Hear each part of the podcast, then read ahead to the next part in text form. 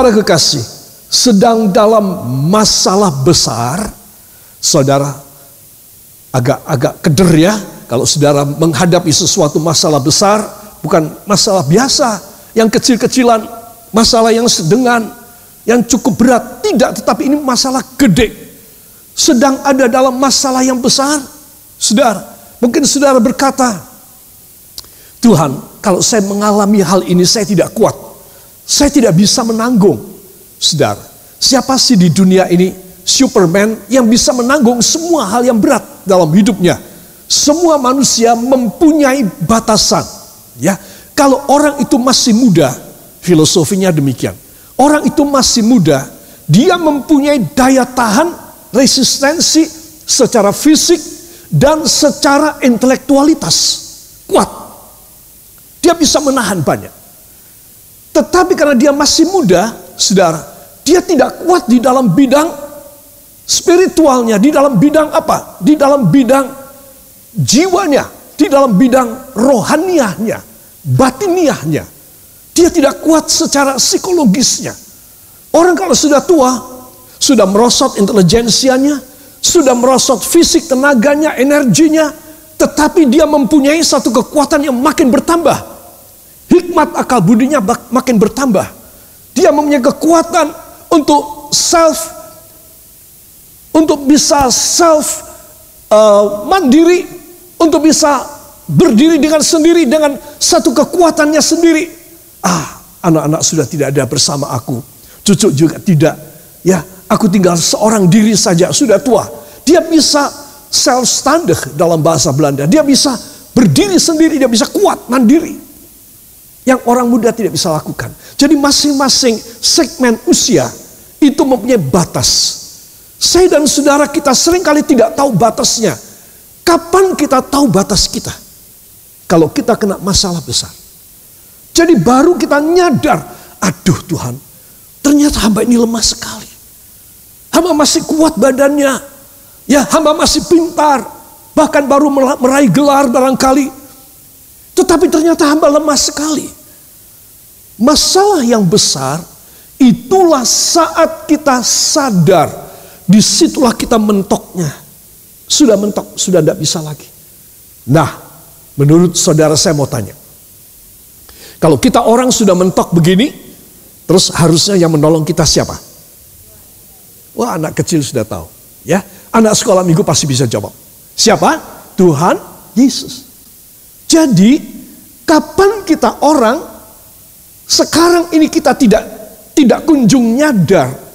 Gak ada masalah kita tidak mau nyadar bahwa kita membutuhkan Tuhan. Tuhan bisa kasih masalah besar. Supaya kita nyadar. Aduh iya. Aku ada masalah gede. Ternyata emang aku rapuh banget. Ternyata aku mudah sekali nyeklek. Ternyata aku tidak bisa kuat. Aku tidak bisa self standard. Aku tidak bisa bertahan. Aku pasti akan gugur dengan masalah ini. Nah, saudara, itu sebab saya memberikan kata-kata wisdom, kata-kata bijak kepada saudara. Harus selalu saben hari bersandar kepada Tuhan Yesus Kristus.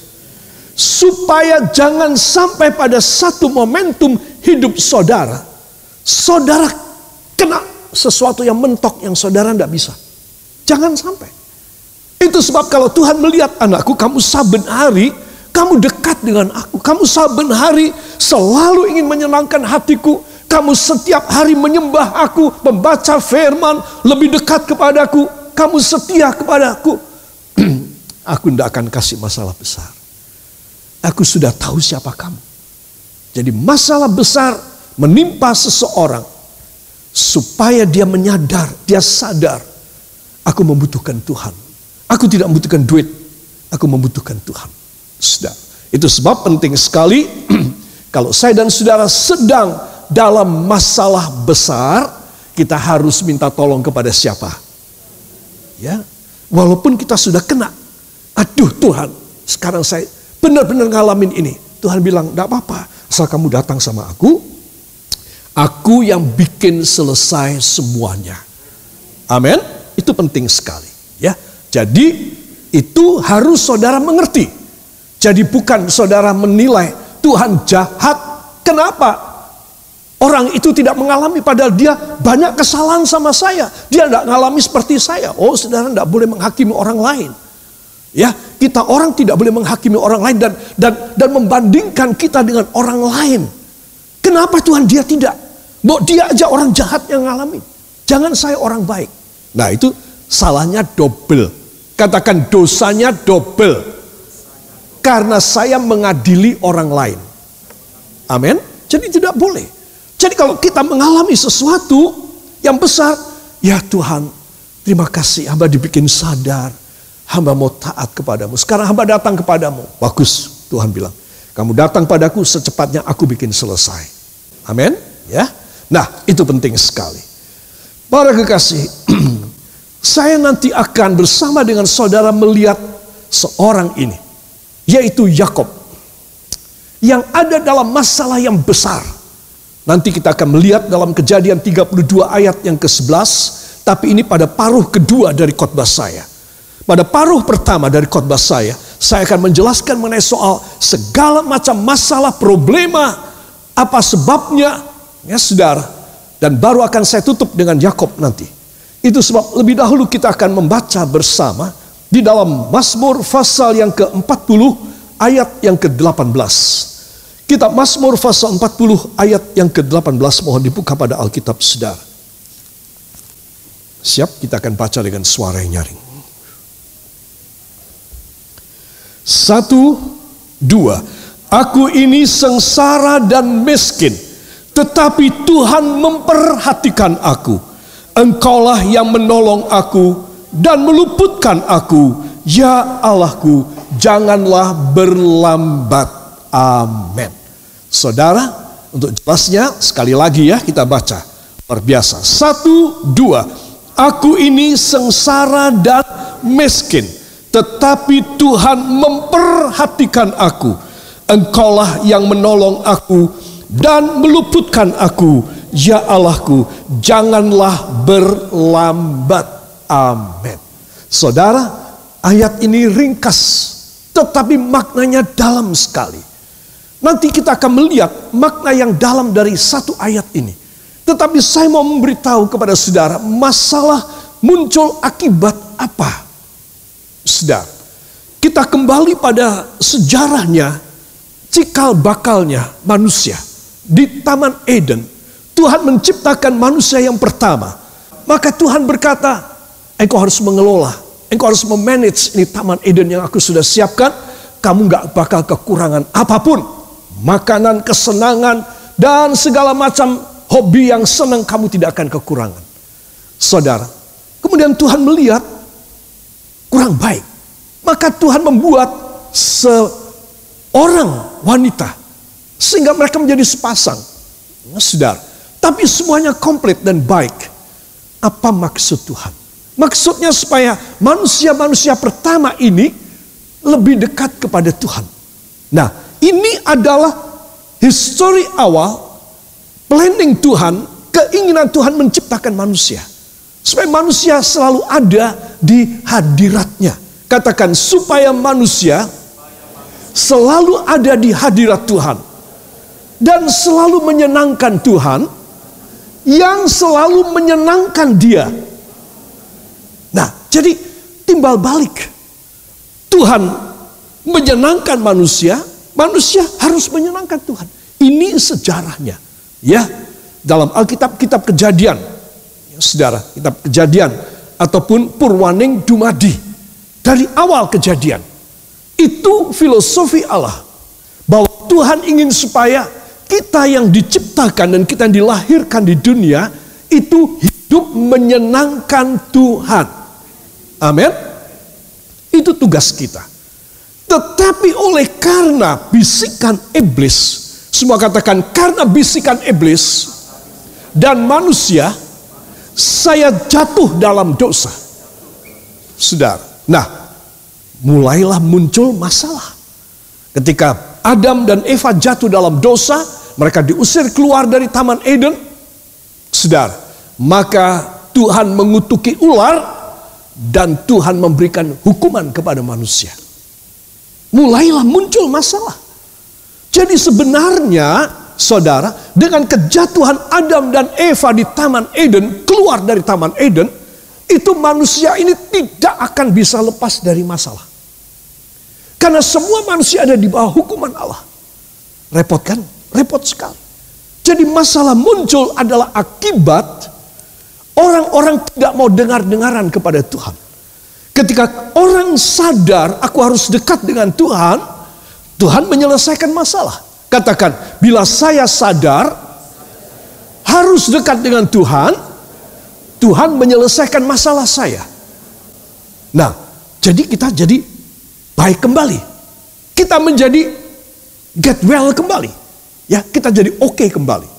Tetapi kita hidup dalam masyarakat dan dunia yang penuh dengan daya tarik dosa sehingga kita kembali kita jatuh lagi dalam dosa.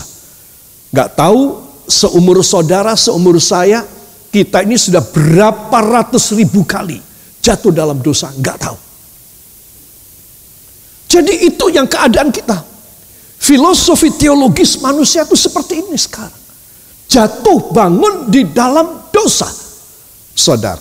Jadi saya tulis akibat duniawiku. Maka Yesus menjauh dari aku. Sehingga aku dengan masalah tersebut, masalah ini menjadi gede sekali. Ya saudara, harus diketahui masalah yang saya anggap besar itu saya loh yang anggap. Belum tentu Bapak Yosef nganggap bukan masalah. Mungkin dia punya pikiran ah ini masalah kecil. Tapi buat saya pribadi itu masalah besar. Demikian juga dengan masalah si A. Si B bisa memandang, ah kamu gitu aja kok bilang masalah gede gimana sih? Itu hal sepele. Nah tidak boleh bilang begitu. Ya, jadi masing-masing mempunyai keadaan dan perasaan dan penilaian tentang masalahnya sendiri. Jadi makanya benar firman, jangan menghakimi orang lain. Amin. Sebab itu penting sekali. So, orang per orang itu beda. Ya bagi kita, bagi saya, ah kamu itu kehilangan ya anak satu aja kok. Kamu punya anak sepuluh. Satu anak meninggal aja kamu nangis kayak begitu. Nah itu tidak boleh saudara. Jadi setiap orang harus bisa menanggulangi dan mengatasi masalah besar dalam hidupnya. Itu sebab jangan berharap jatuh lagi pada masalah yang besar. Berharap apa tidak? Tidak. Saya mau tanya, lalu bagaimana caranya supaya kita orang tidak jatuh dalam masalah yang besar? Bagaimana caranya? Harus dekat dengan Tuhan. Orang yang dekat dengan Tuhan, selalu intim dengan Tuhan, Tuhan bilang, aku tidak perlu ngasih pelajaran anak ini. Aku tidak perlu kasih pelajaran buat dia. Karena dia selalu dekat dengan aku, dia selalu menyenangkan aku. Apanya yang mau tak hajar apanya, yang mau tak kasih pelajaran apa, yang mau tak selentik itu tidak ada. Tidak ada alasan aku membuat sesuatu masalah kepada dia. Jadi saudara-saudara harus tahu dan saya membuat sebagai background dari slide ini satu terowongan kereta api yang panjang entah berapa kilometer menembusi gunung ya saudara ya beruntung ada lampunya kiri kanan sehingga agak terang sedikit saudara orang masuk dalam masalah besar itu selalu bertanya-tanya kapan aku keluar dari terowongan ini kapan aku bisa keluar nggak enak loh saudara Saudara naik kereta api atau naik mobil di dalam terowongan itu tidak enak. Secara psikis saudara tertekan. Ya saudara, walaupun kendaraan saudara apa aja. Nah, sering kali saya dan saudara juga dalam terowongan yang sangat panjang. Gak tahu kapan ujungnya di mana itu. Semakin besar masalah orang, semakin lama dia harus masuk dalam terowongan yang gelap. Saudara, saya tuliskan di sini. Problem nyaris tak berujung. Kalau masalah kecil kita otak-atik sedikit selesai. Masalah agak gede kita otak-atik 50 atau 55 hal selesai. Masalah gede barangkali kita harus mengotak-atik tujuh masalah saja tapi besar-besar semua. Saudara, itu sebab problem nyaris tak berujung Entah kapan selesai. Dan kalau selesai gimana ya? Kadang-kadang kita berkata, Tuhan aku juga tidak berani. Selesainya apa? Aku akhirnya apa? Aku nasibku kayak? Aku tidak berani tiba di ujung dari terowonganku. Ya, saudara. Nah, itu sebab firman yang akan saya sampaikan harus meyakinkan saudara. Apakah kita orang mau kayak begini? Terus menerus seumur hidup lega sudah ditolong, eh masuk masalah lagi. Lega lagi, masuk masalah lagi. Wah, capek saudara. Daya resistensi saudara, daya tahan kita orang itu tidak bisa begitu. Pada satu saat kita akan sama sekali tidak mampu. Kita akan lumpuh, kita verlam, kita akan invalid dan kita tidak bisa apa-apa. Tapi tidak mati. Apa sebab? Itu sebab saya dan saudara harus tahu penantian mujizatnya sia-sia, kapan selesainya juga belum ketahuan kapan, gelap buntu akibat salah kanal. Harusnya tidak masuk ke terowongan, ini kereta, ini mobil, ada pada jalan yang lain, eh salah masuknya. Kalau kereta api, weselnya salah. Sehingga jeglek ada yang menjeglekan dia, masuklah ke terowongan. Harusnya dia lurus, sekarang masuk ke terowongan. Salah kanal. Katakan salah kanal. Itu sebab anak-anak Tuhan perhatikan. Kalau saya dan saudara dekat dengan Tuhan, nggak mungkin kita mengalami keadaan-keadaan yang berat seumur hidup. Berat itu pasti, supaya kita selalu ingat kepada Tuhan. Tetapi tidak terus menerus. Supaya apa? Supaya kita menjadi kesaksian, tanda mujizat bagi banyak orang. Yang setuju beri tepuk tangan bagi dia. Haleluya. Saudara, masalah besar. Saya perlu mengulik sedikit dengan saudara secara simple saja. Dari apa yang saya pelajari, COVID-19 memaksa buruh dan bos masuk di dalam dua hal. Satu, industri 4.0 atau 4.0. Ini industri 4.0. Dan di Indonesia kelihatannya masih keteteran kita dengan industri 4.0. Nanti saya jelaskan sedikit saja. Supaya saudara ini agak mengerti sedikit ya. Nah, dan kalau dari industri 4.0 kita harus masuk pada society 5.0. Ini COVID ini. Harusnya pada jadwal dunia sepakat, negara maju sepakat, kalau negara tertinggal itu ngikut aja. Ya. Negara-negara yang miskin ngikut aja negara yang maju sudah. Pokoknya oke okay, aminkan saja. Tapi negara-negara maju sebenarnya sudah mempunyai schedule, jadwal, kapan kita masuk pada industri ataupun society 5.0. Ya, masyarakat 5.0. Itu sudah ada tahunnya. Tetapi sekarang dengan Covid harus dimajukan. Loh kok bisa? Pada pendapatan negara, pendapatan per kapita makin merosot. Perusahaan gulung tikar atau tutup sementara. PHK di mana-mana. Nah, para ahli mengatakan justru harus secepatnya industri 4.0 harus mulai. Saudara nanti saya akan menunjukkan. Ini gara-gara apa? Gara-gara COVID ini. Bola yang mempunyai duri-duri ini. Virus COVID ini. Corona ini. Saudara. Jadi harusnya people work, orang bekerja itu lurus industri 4.0 dan masuk society 5.0 tetapi dibelokkan karena ada keterlambatan ada musibah dengan coronavirus ini sehingga semuanya berantakan. Jadwalnya berantakan. Pendidikan anak-anak berantakan. Bisa sih live streaming bisa. Tetapi itu agak berantakan saudara. Itu sebab kita harus tahu dengan keadaan COVID-19 baik buruh kasar, pekerja, maupun bos, white collar boss, yaitu bos-bos dengan kerah putih, orang-orang berdasi, itu harus tunduk pada pembelokan oleh karena virus ini. Nah, jadi saudara tahu, sekarang kita jauh dari Tuhan dalam keadaan kecelakaan semacam ini. Itu tidak menjadi satu ide yang baik. Pada keadaan sekarang ini jauh dari Tuhan bukan ide yang baik. Itu kontraproduktif. Pada keadaan sekarang orang harus dekat dengan Tuhan. Kenapa? Ada ancaman coronavirus. Saudara, berapa kali saya baca dari ahli berbeda, bukan cuma ahli tetapi dari badan-badan kesehatan, baik WHO yang nomor satu di dunia maupun badan-badan peneliti yang lain, ya epidemiologi yang lain, mikrobiologi yang lain. Selalu saya menarik kesimpulan bahwa dalam dua tahun orang harus tetap pakai masker.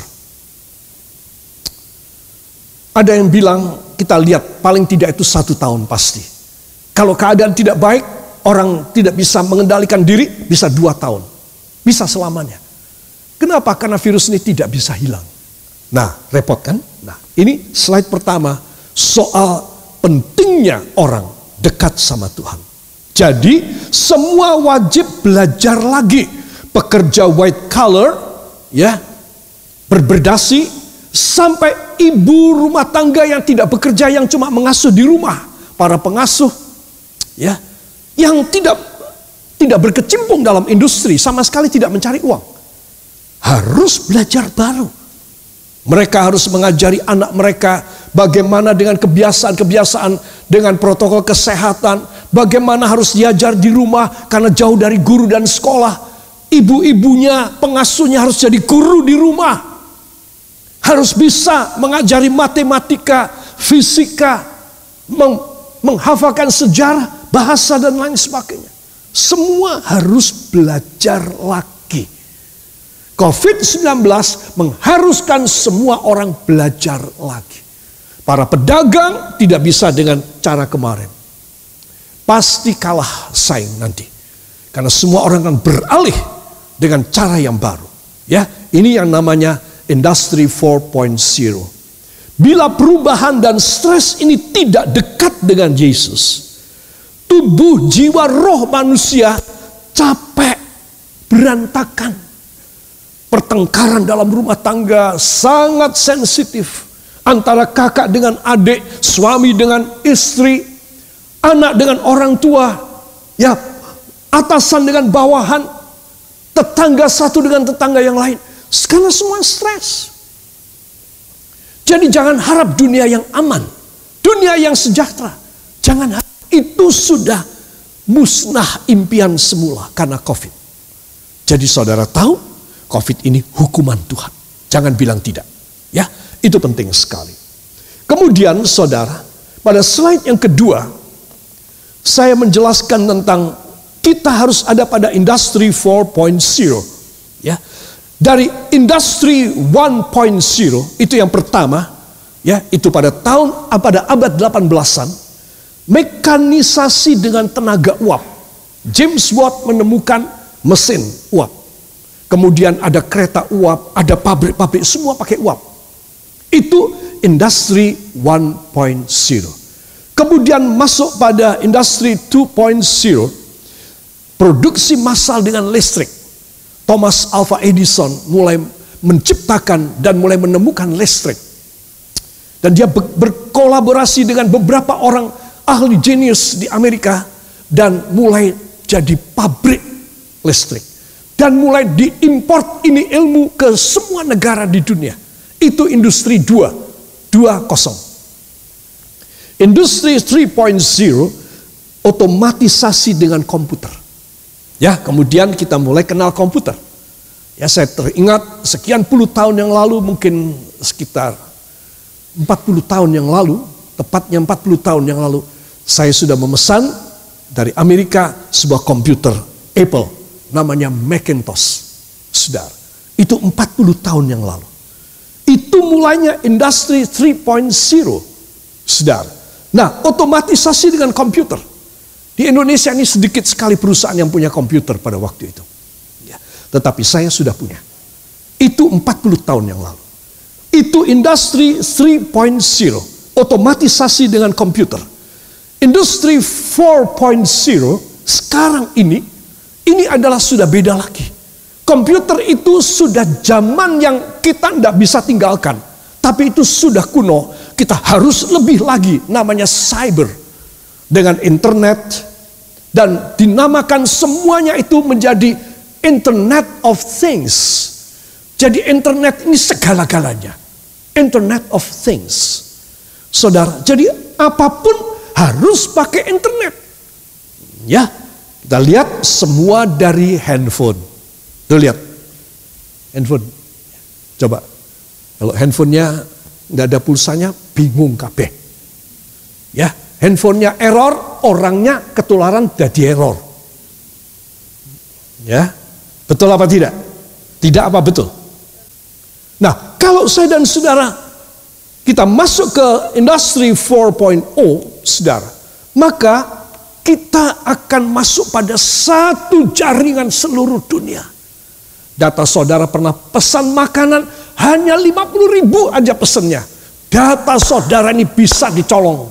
Tahu dicolong apa enggak? Dicuri. Sehingga data bank segala macam, password segala macam bisa dihack. Saudara bisa tahu? Nah, jadi ada resikonya dengan Internet of Things bahwa internet segala-galanya itu ada resikonya. Kalau saudara tidak dekat dengan Tuhan, Orang mencuri harta saudara, orang mencuri data-data perusahaan saudara itu mudah. Hanya kuasa Tuhan yang akan melindungi data anak-anak Tuhan. Kenapa? Dengan cyber ini orang mulai memburu data. Karena ada yang dinamakan sebagai big data. Big data ini adalah kumpulan dari semua sumber-sumber. Semua identitas pribadi sebisa-bisanya kalau bisa orang-orang yang mampu, orang pangkat, orang berpendidikan, politikus, ya, dan orang-orang yang istimewa itu terkumpul. Sehingga potensinya dahsyat untuk digoncang, untuk dipakai, untuk diperas segala macam. Dan juga maksud baiknya adalah untuk mengembangkan dia punya usaha, cari uangnya dia secara baik-baik dan jujur juga bisa dipakai. Ini big data. Jadi saya dan Anda ini kita ada di dalam satu peperangan untuk mencuri data pribadi kita. Ya, ini saking kompleksnya lalu lintas data net ini, maka dinamakan sebagai big data. Siapa menguasai big data, dialah pemenangnya. Sedar. Dan ini sangat berbahaya. Dan kita tidak bisa menghindar, no choice. We have to come inside the industry 4.0. No choice for us to live such society. Because we have to come into and entering the society of 5.0. Mas, masyarakat 5.0. Dan ini lebih mengerikan nantinya. Saya tidak sampaikan di sini. Itu belum zamannya Indonesia. Jadi saudara mesti tahu bahwa saya dan saudara ini, kita ini dengan adanya COVID-19 yang belum waktunya kita sudah harus ngejar. Sebab kalau tidak kita akan ketinggalan teknologinya. Ya saudara, bingung, nggak bisa ikutin. Saudara, itu sebab pakailah jalur hukum ilahi, yaitu firman Tuhan. Kalau saya sudah tidak bisa ngejar karena saya sudah tua, tidak punya modal, tidak ada pendidikan sama sekali babar belas. Saudara, lalu kita bagaimana hidupnya? Pakailah hukum firman. Hanya perjanjian firman yang bisa membuat saya dan Anda dalam perusahaan konvensional kita, tradisional kita cari uangnya bisa selamat dan bahkan bisa besar.